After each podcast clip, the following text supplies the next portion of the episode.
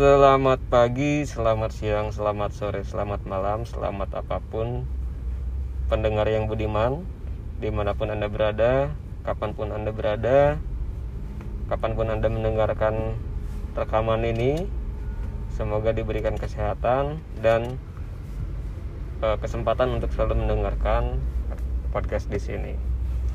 Saya Aris Ripandi kembali di podcast Kataris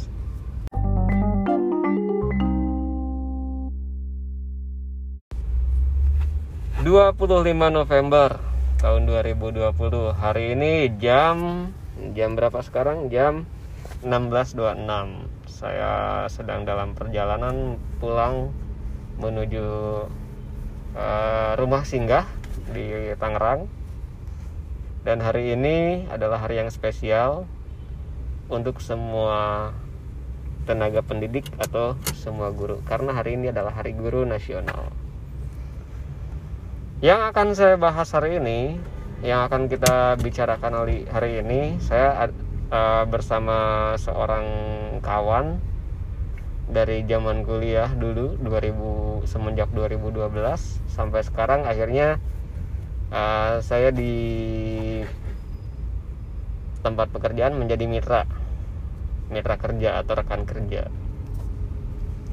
Nah ya materi hari ini atau topik pembicaraan hari ini adalah tentang uh, hari guru tentunya tentang kependidikan tentunya. Saya ingin berbagi cerita dan saya ingin meminta juga teman saya ini berbagi cerita seputar kehidupan seorang tenaga profesional atau pekerja profesional yang juga merangkap sebagai seorang tenaga pendidik. Nah, saya bekerja di bidang software development. Teman saya juga sama ya tentu sama karena satu kantor. Satu kantor dan satu pekerjaan. Kemudian kami juga sama-sama mengajar di perguruan tinggi. Jadi ya katakanlah orang bilang istilahnya tuh nama profesinya adalah dosen. Nah teman saya ini juga sama dia seorang tenaga profesional software developer juga dia ngajar juga meskipun kampus kami berbeda nah kita akan kulik gimana cerita beliau suka dukanya menjadi seorang pekerja profi, pekerja profesional sebagai seorang develop, software developer juga sekaligus sebagai pengajar. Mari kita sambut Saudara Asep Abdul Sofyan. Kita mulai dari perkenalan diri dulu. Silakan Mas Bro. Bismillahirrahmanirrahim. Assalamualaikum warahmatullahi wabarakatuh. Selamat semua waktu untuk para pendengar uh, yang berbahagia. Semoga selalu diberikan kebahagiaan uh, dan diberikan kesehatan jasmani dan rohani. Uh, salam kenal, nama saya Asep Abdul Sofyan. Uh, kehidupan seorang pengajar ya. Nah ini perkenalan sekaligus juga background sih. Saya berada di dunia yang mana gitu. Nah sebenarnya saya itu dibilang seorang IT tapi berawal dari dunia pendidikan. Kalau dibilang secara dunia pendidikan tapi saya tertarik dengan dunia IT jadi awal mulanya dulu lagi zaman kuliah itu karena memang uh, saya itu dulu bukan seorang IT guru MTS apa ngajar.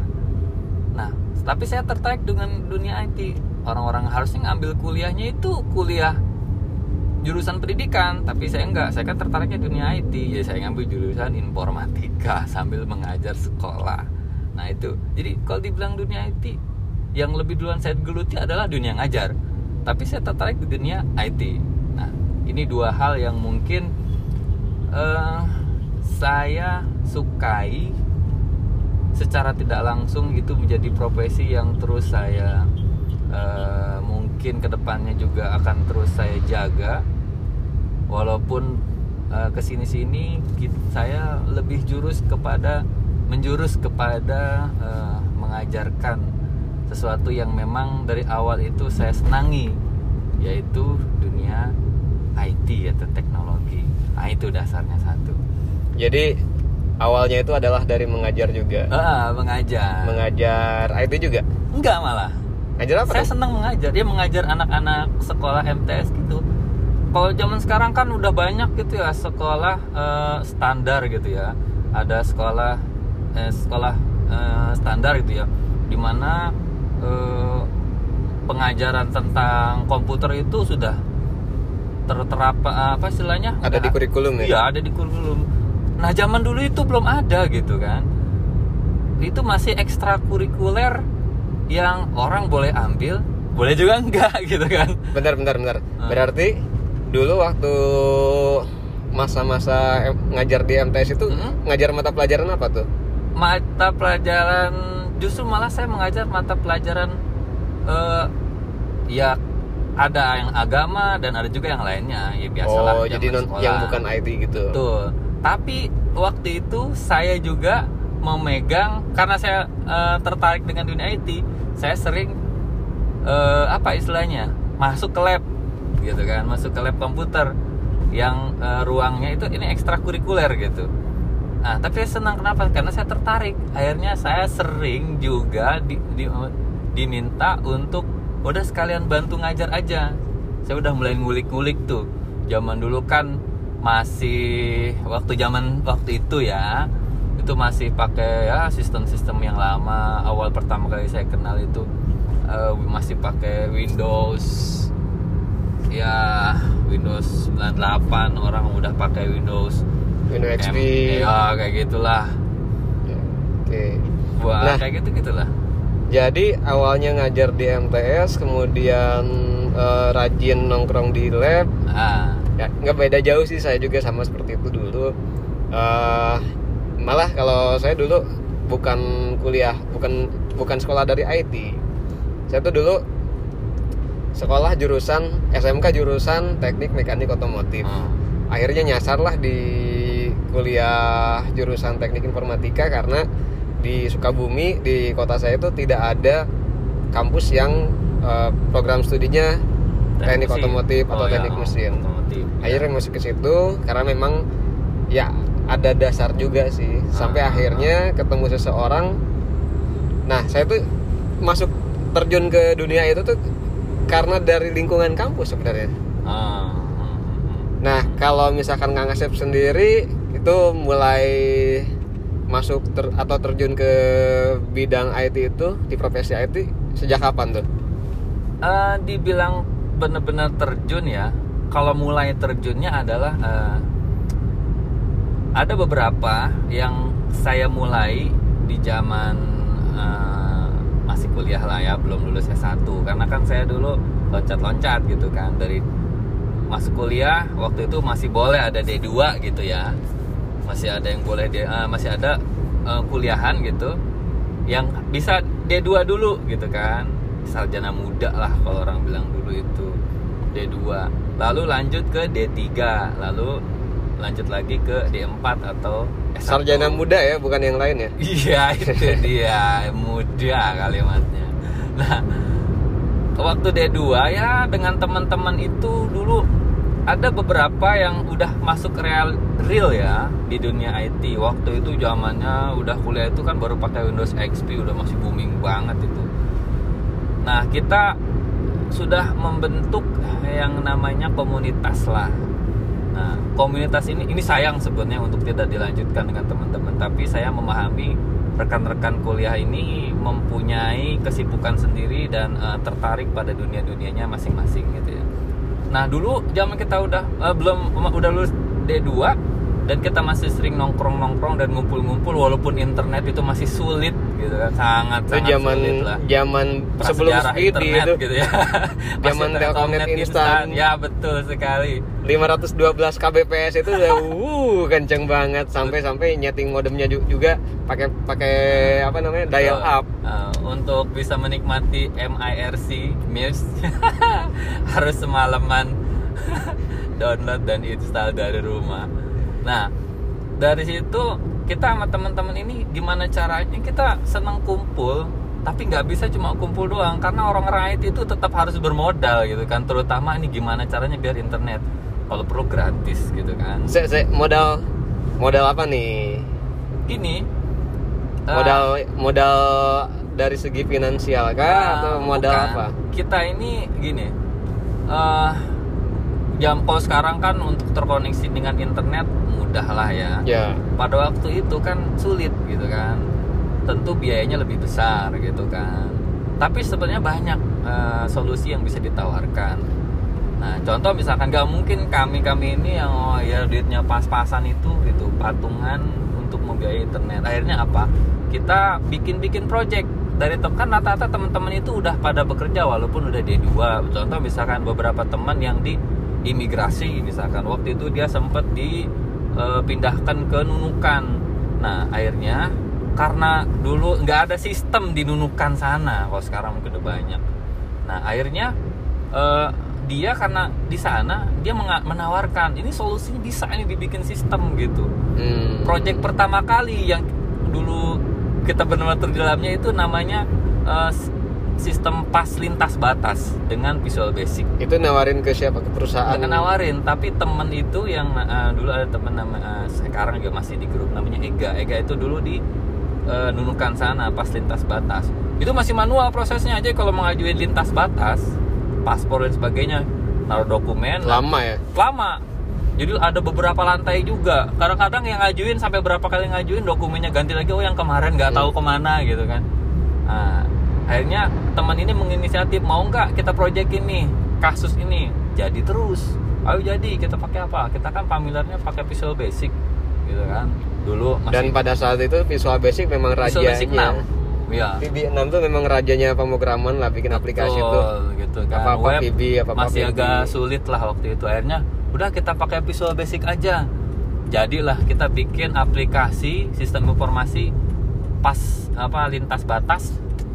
Nah, jadi pengajuan di depan itu udah nanti di print, nanti udah di lantai berapa, pengajuannya udah sampai siapa, udah di approve atau kebaik lagi atau enggak itu project pertama kita. Nah, bayarannya itu tadi saya bilang, kita ini kumpul-kumpul ini ya inginnya itu ada internet dan sebagainya. Nah, pembiayaannya dari mana? Nah, dari project-project kita kerjakan bersama. Jadi kami-kami itu ngerjain project itu nggak nerima bayaran. Cuman satu, jadi supaya kita bisa online terus itu bagaimana? saking dulu Ya. susahnya connect bukan susah sih memang eh, Mahal, terbatas gitu, mahal Terbatas gitu. oke baik eh, sebelum melanjutkan nih ini udah mulai masuk ke ini Eh, sebagai informasi kita kami bikin eh, merekam podcast ini di perjalanan pulang dari Jakarta ke Tangerang dan bisa jadi ini bisa jadi saya baru kepe- ke- kepikiran punya ide kalau kita gimana kalau kita ngobrol tiap pulang Ah boleh, seru. ngalor ngidul aja nggak apa-apa Ya, apa ngalor ngidul. Ngalor ngidul. ngulon ya jadi itu yang penting itu arah. betul betul Nah, betul yang repot betul. kalau ngomong nggak ada arahnya. nah itu dia jadi buat buat pendengar yang budiman sekalian ini sedang di perjalanan pulang dan ini direkam menggunakan HP kemudian di apa No saya setting. no settingan no no edit edit ada sih edit paling Ay. di crop crop dikit lah edit uh, trimming dikit Iya begitu itu bukannya menutupi tapi ya Iya. untuk agar lebih Lebih natural. natural. jadi sekali lagi buat teman-teman pendengar yang budiman kalau podcastnya ngalor ngidul ya namanya juga uh, podcast uh, apa nama podcast yang dadakan juga. Kemudian saya juga tidak ada uh, topik khusus untuk di podcast ini. Jadi selama itu seputar dunia kehidupan yang saya geluti saya akan membahasnya di sini. Oke. Yuk kita lanjutkan obrolan kita. Eh, Saya dengan Kang Asep Kang Mas Bro Asep Abdul Sofian Kita masuk ke dunia pendidikan. Nah kalau tadi ada ada sejarah singkat lah Ketika Kang Asep ini Mulai dari mengajar di MTS Sampai masuk Sampai bikin-bikin project Untuk hanya demi eh, bisa terkoneksi ke internet dan mencari sumber daya di internet. Ya sampai akhirnya sekarang kan udah ngajar nih. Ah. nah suka duka. Mulai dari ini deh. Saya ada pengalaman juga ketika ngajar tuh nggak sedikit lah mahasiswa mahasiswa sekarang yang eh, bisa dikatakan apa ya mereka kurang saya katakan kurang inisiatif. Kenapa? Karena kita lihat zaman sekarang ponsel smartphone di mana-mana. Jaringan koneksi sekarang udah 4.5 eh, 4,5 G. Dari dari kecepatan dari ponsel aja udah bisa sampai 50 60 Mbps per eh, ya na- 50 sampai 60 Mbps lah. Jadi bisa dikatakan koneksi internet ada di mana-mana. Komputer juga ada di mana-mana. Kita bisa ngakses informasi dari ponsel. Tapi pertanyaannya, kenapa mahasiswa sekarang itu eh, mereka cenderung males atau yang mungkin entah, entah males entah atau apa tapi yang jelas ketika diberikan pengarahan ketika kita memberikan materi kemudian kita memberikan tugas masih aja ada yang pak ini gimana pak ini kok nggak bisa sedangkan sumber daya yang tersedia itu sangat banyak nah kang Asep sendiri ada nggak ngalamin kayak gitu Oke, eh, sama sih seperti itu. Sama ya. aja? Sama aja. satu Tapi dua satu dua atau lebih banyak yang Ah, seperti itu saya, sekarang ra- saya rasa mungkin bisa dikatakan banyak ya, lebih banyak atau enggak relatif sih, tergantung. Tapi saya jelas, tapi banyak saya sering temukan. Ya, banyak saya sering temukan untuk seperti itu. Tapi saya uh, menarik kesimpulan yang uh, mungkin lebih sedikit mengkerucut ya. Kenapa gitu? Mereka seperti itu. Nah, terkadang ada yang saya udah kasih langsung saya iniin aja, langsung saya kasih kenapa kok begitu? Misalkan kayak contoh misalkan eh, mereka itu bukannya malas tapi tidak mau melihat deal Hmm. satu itu. Ya. Leb- nggak mau melihat ya nggak mau melihat detail menurut saya. Contoh misalkan ada error. Tapi itu juga artinya malas dong malas untuk memperhatikan. Ya kan dia sebenarnya merhatikan tapi nggak mau ngelihat detail gitu kan jadi pada dasar dia penasaran curious sama error itu sendiri gitu ya. Ah, Oke, I Nah, see. tapi- tapi, pengen instan. betul. Itu intinya nggak mau lihat detail. Karena gini eh saya kedenang gini coba eh, ketikanya pak ini kenapa ya? Misalkan gitu contoh. Saya nggak mau ngasih jawaban dulu. Coba kamu baca errornya apa. Kamu pas kamu paste di Google Translate. Gitu kan. Satu sebenarnya bukan saya nggak tahu. Cuma saya mau bimbing gitu. Semua itu seperti itu. Jadi mereka itu eh, bisa dikatakan alergi dengan kesulitan gitu sedangkan kita mungkin lu terbangun dengan kesulitan gitu ya menurut saya seperti itu Akhirnya, ah, akhirnya saya ada ada kosakata baru. ah. Alergi dengan kesulitan. Oke, Betul, Bisa ya. dicatat itu. Ah, contoh ya itu tadi misalkan eh, jangankan eh, error eh, misalkan dia belajar pemrograman gitu ya. Jangankan error orang ke mana-mana gitu. Error sintak aja terkadang kenapa errornya dia nggak baca message-nya gitu kan langsung bertanya oh wow, ini error terus nih. Ah dia udah tahu itu error. Hmm. tapi dia nggak lanjutkan. Why? Gitu kan. Tapi dari dia- mana dia bisa tahu gitu kan? Dia nggak nggak mau mencari tahu itu errornya dari mana. Padahal Betul. meskipun itu sudah ditulis di situ pesan Iya, errornya. Iya, saya, saya sering bilang bahwasanya di dunia IT itu nggak sulit. Semua itu dirancang dengan menggunakan logika. Baik itu aplikasi yang bersifatnya user interface ataupun konsol. Hmm. Semua itu pasti ada hal yang bisa disampaikan dan dicerna dengan logika gitu. Nah, jadi Anda sebenarnya nggak perlu pusing gitu. Tinggal ini apa dia kasih tahu cara referensi untuk solusi itu sebenarnya. Nah, terkadang ya itu dua hal yang mereka aduh kayaknya nggak mau gitu pengen instan langsung ada jawaban. Hmm, kayaknya memang seperti itu kayaknya ya. Nah, kalau- saya nggak tahu tuh. Kalau buat saya ketika eh, apa ya menemukan kasus mahasiswa seperti apa siswa saya seperti itu, Hmm. saya selalu bilang gini ke apa ke anak-anak tuh ke yang saya ajar tuh. Ingat eh, surat yang pertama kali diturunkan. Ikro bacalah. Nah itu selalu saya jadikan prinsip. Kalau kita yang mau baca eh, insya Allah akan ada akan selalu ada solusi.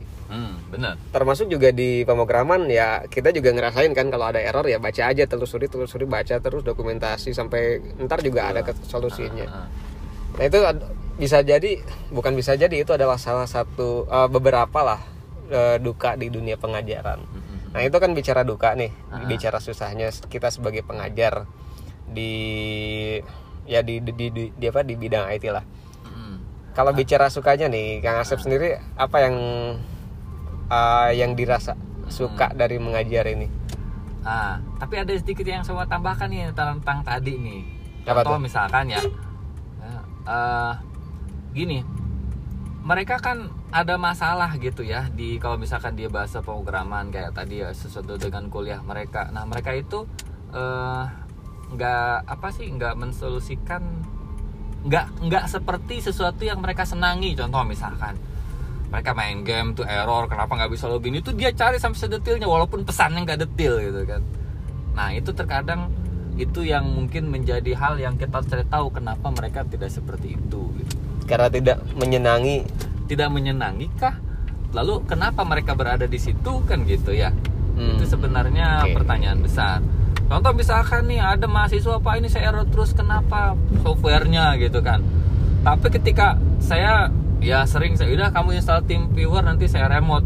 Tapi di handphonenya tuh berbagai macam game itu. Eh di handphone di laptopnya berbagai macam game yang saya rasa itu tidak support dengan sistem dia gitu. Itu ada gitu. Kan nggak lucu seperti itu sebenarnya pengen bikin ketawa kadang-kadang. Aduh misalnya misalkan laptopnya cuma RAM-nya berapa giga tapi dia winning eleven yang versi sekian-sekian itu. Ada gitu kan? Nah itu bisa jadi suka. Itu. Hal-hal yang konyol yang menurut kita konyol itu bisa jadi lucu salah satu sukanya juga. Nah itu ya itu kadang-kadang jadi bentuk duka salah satu tambahan dukanya gitu. Ini- suka suka termasuk duka. Aduh kadang jadi ini anak ini gimana? gitu kan ya. Install ada error ya ini game berbagai macam yang harus diinstal patch dan sebagainya yang pasti akan ketemu error sebagainya tapi berhasil diinstal dan dijalankan dengan baik. Nah ini kan masalah besar gitu ya. Ini terkadang install environment aja untuk kebu- kebutuhan development baru menemukan kendala aja dia nggak bisa nyari solusi gitu kan sedangkan menginstal game dengan patch dengan harus ke sini harus ke situ harus gini padahal itu dokumentasinya banyak loh Iya, sedangkan untuk patching kayak gitu tuh dokumentasinya itu nggak Minim. kayak- minim. yang kalaupun ada ya lebih sering pakai bahasa-bahasa yang misalnya eh, Rusia kemudian bahasa-bahasa Betul, Iran ya. Bahasa yang bukan Inggris lah bukan Inggris Ah. atau Indonesia Tapi mampu mereka, Tapi mereka solusikan mampu. dengan baik. Sedangkan development yang dokumentasi lebih Dokumentasi lengkap lebih banyak lengkap, sumber gitu ya. dayanya ada tutorial uh, white papernya ada. Apalagi sekarang di YouTube ada Wah, banyak. itu lagi.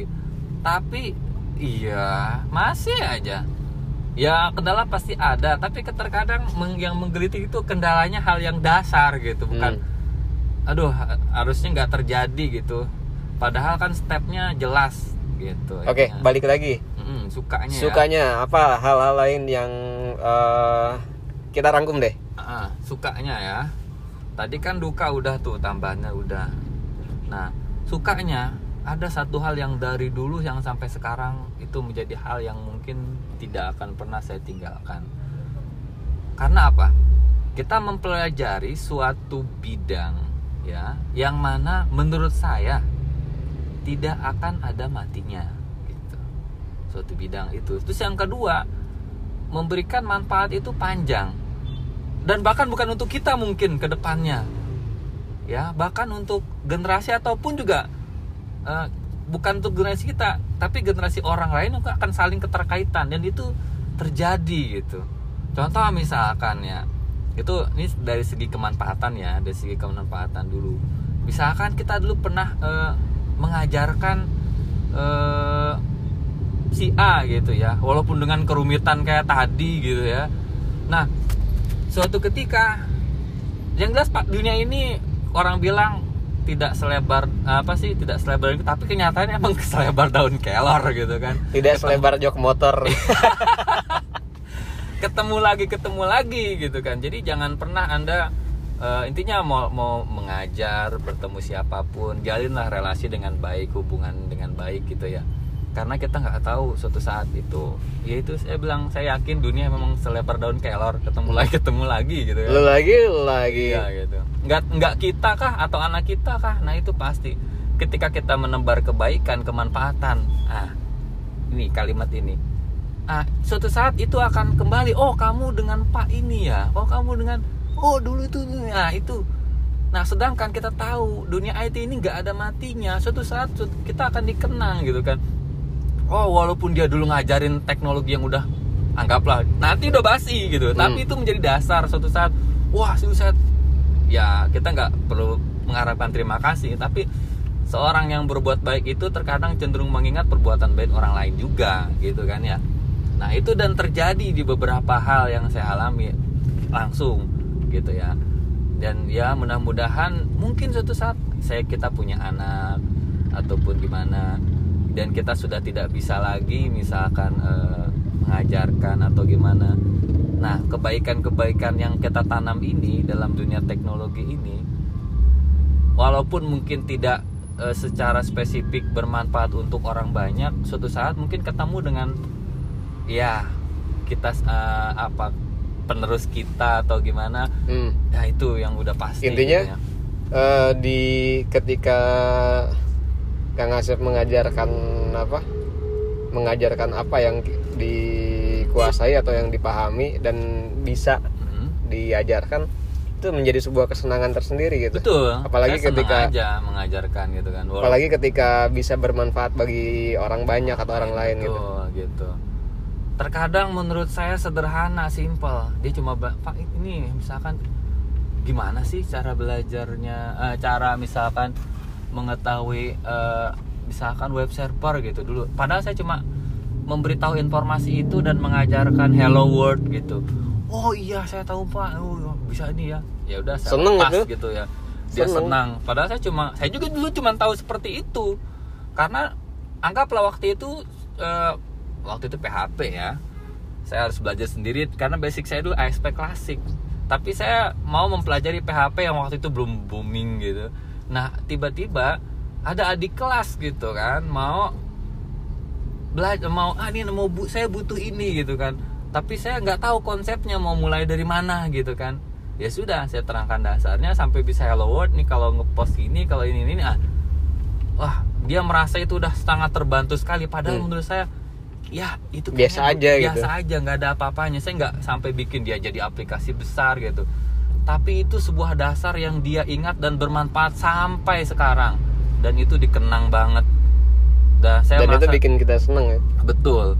Nah dia sudah bisa ber dan dia juga pastinya sudah banyak memberikan kemanfaatan juga. Nah kita mengalir seperti itu nah itu menurut saya oke jadi ya sebagai nggak beda jauh sih memang Nah, eh, kalau dari saya pribadi, eh, ya saya ingin menguta- mengutarakan beberapa unek-unek ya dalam tanda kutip ya sebagai seorang pengajar untuk mahasiswa-mahasiswa atau siswa-siswa eh, yang sedang belajar.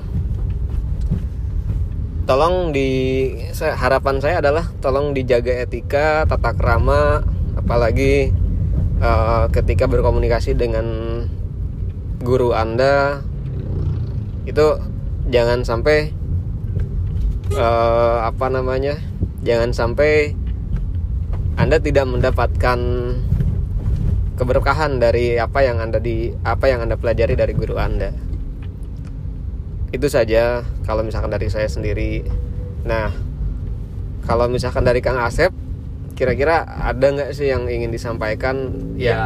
untuk mereka yang sedang belajar Hmm, saya sih setuju dengan itu. Nah, lebih simpelnya saya katakan eh, serius tapi santai, cuma yang sopan itu tetap pasti ya.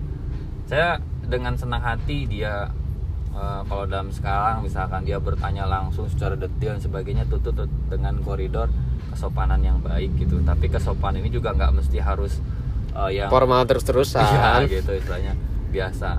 Contoh misalkan ada saya ya sampai saya bilang pernah ada dua satu mahasiswa saya beliau ini sangat sepuh tapi eh, dia ini eh, beliau lah saya nggak enak nggak boleh ngomong dia juga beliau ini udah sangat sepuh. Udah semester berapa? Ya berapa kali saya ajar gitu kan ya. Sangat sepuh. Ya menurut saya tuh umur 50 lah gitu ya. Eh, umur 50-an lah kurang lebih. Lulus berapa kali ketemu saya di di mata kuliah yang ya praktikum berapa kali mata pelajaran lah gitu. Nah dia ini interest sekali dengan pengajaran saya gitu kan. Nah sampai dia lulus. Nah ketemu saya pun juga. Padahal saya merasa nggak enak gitu, udah lulus dan nggak dan karena dia juga punya eh, kemahiran di bidang lain gitu dipercaya ngajar juga gitu kan diminta mengajar juga ketemu di kampus juga gitu. Nah kemudian dia sangat menghormatin betul gitu. Sampai wah ini nih guru saya dan sebagainya. Wah ah si bapak ya, ini ini sangat baik sekali. Di di eh, di tempat mengajar eh, di ketika saya mengajar pun juga walaupun dia merasa walaupun dia pasti tua dong gitu kan. Maksudnya tapi dia sangat menghormati saya seolah-olah ah tuanya saya ini gak ada apa-apanya dengan misalkan dengan saya Hmm. gitu. Tapi saya juga lebih menghormati dia lagi karena saya sadar betul saya juga orang yang harus sangat menghormati beliau-beliau yang sudah sepuh gitu kan ya Intinya intinya itu sih ya. kita mesti sadar diri dan tahu Iya, waktu betul. tahu ya bisa mengkondisikan diri Iya. Tapi, Tapi- juga saya ketemu juga dengan mahasiswa yang berbeda gitu. tapi sorry nih gua potong Mm-mm. bukan berarti ini ya ketika pengajar itu dosen atau guru itu ingin apa kayak tadi misalnya diminta untuk menjaga tata krama bukan berarti kitanya sebagai dosen atau pengajar gila hormat enggak Mm-mm. Silakan aja kalau mau bil- apa ngobrol santai atau misalkan eh, tidak harus formal juga nggak masalah buat Ya. buat kita sebagai pengajar tapi mohon ya bisa tahu diri tahu Betul, waktu betul. gitu Tahu waktu juga ya mungkin lebih kan terkadang ada yang eh, kalimatnya bebas bertanya tapi terlalu bebas gitu tidak Hmm. mengerti eh, ya sebaiknya itu bicara seperti apa gitu kadang ada gitu langsung eh, to the point to the point sih boleh. Tapi terkadang aduh menurut saya terlalu bahasanya tidak kayak seolah dia nggak berbicara eh, kepa kalau ketem malah menurut saya pernah kasusnya dia berbicara ke teman sendiri aja harusnya kayak kalimat seperti ini nih nggak bisa gitu. Hmm. ukurannya ya. Apalagi kepada saya eh, yang ngajarin istilah seperti itu. Tapi kok kenapa? Ini pernah saya protes gini seperti pernah saya langsung tapi kalau menurut saya kali eh, terkadang masih bisa saya terima ketika dia berbicara sama sebagai seorang teman gitu. Di luar di luar kelas mengajar ya dia bisa langsung itu masih bisa saya terima. Tapi kalau menurut saya kayak seolah dia eh, berkeluh kesah ini kenapa kayak seorang bukan kepada teman? gitu. Wah itu lain lagi gitu. Kalau buat kita kita sih buat eh, kang Asep dan saya ya kita lah ya. Kita sudah udah pada ta- pada pada tahu lah Ya, kita bisa santai tapi jangan samakan semua dosen sama. Iya. jangan disamaratakan. Ada yang orangnya santai ada yang orangnya memang bener-bener oh eh, dia menganut menganut ya. Jangan menganut apa istilahnya? Dia men- menanamkan paham bahwa eh, memang tata krama itu benar-benar harus dijaga dan harus formal. Ada yang kayak gitu. Jadi ya ya lihat kondisi lihat tata bahasa juga dijaga Tata bahasa gitu mengkondisikan bagaimana eh, orangnya Betul, gitu. betul. oke itu suka dukanya yang mana lebih banyak eh, lebih banyak suka lah ya. Lebih banyak suka. Seru meskipun lah. kalau ya kita kita syukuri aja sebagai pengajar. Ya, berkembang sebenarnya sih dunia pendidikan itu. Anda tidak akan Betul. pernah menemukan pola yang sama di dalam dunia pendidikan gitu ya betul sekali sama dengan dunia IT kan tidak akan menemukan pola yang sama Oke, kita lanjut karena sudah lampu hijau.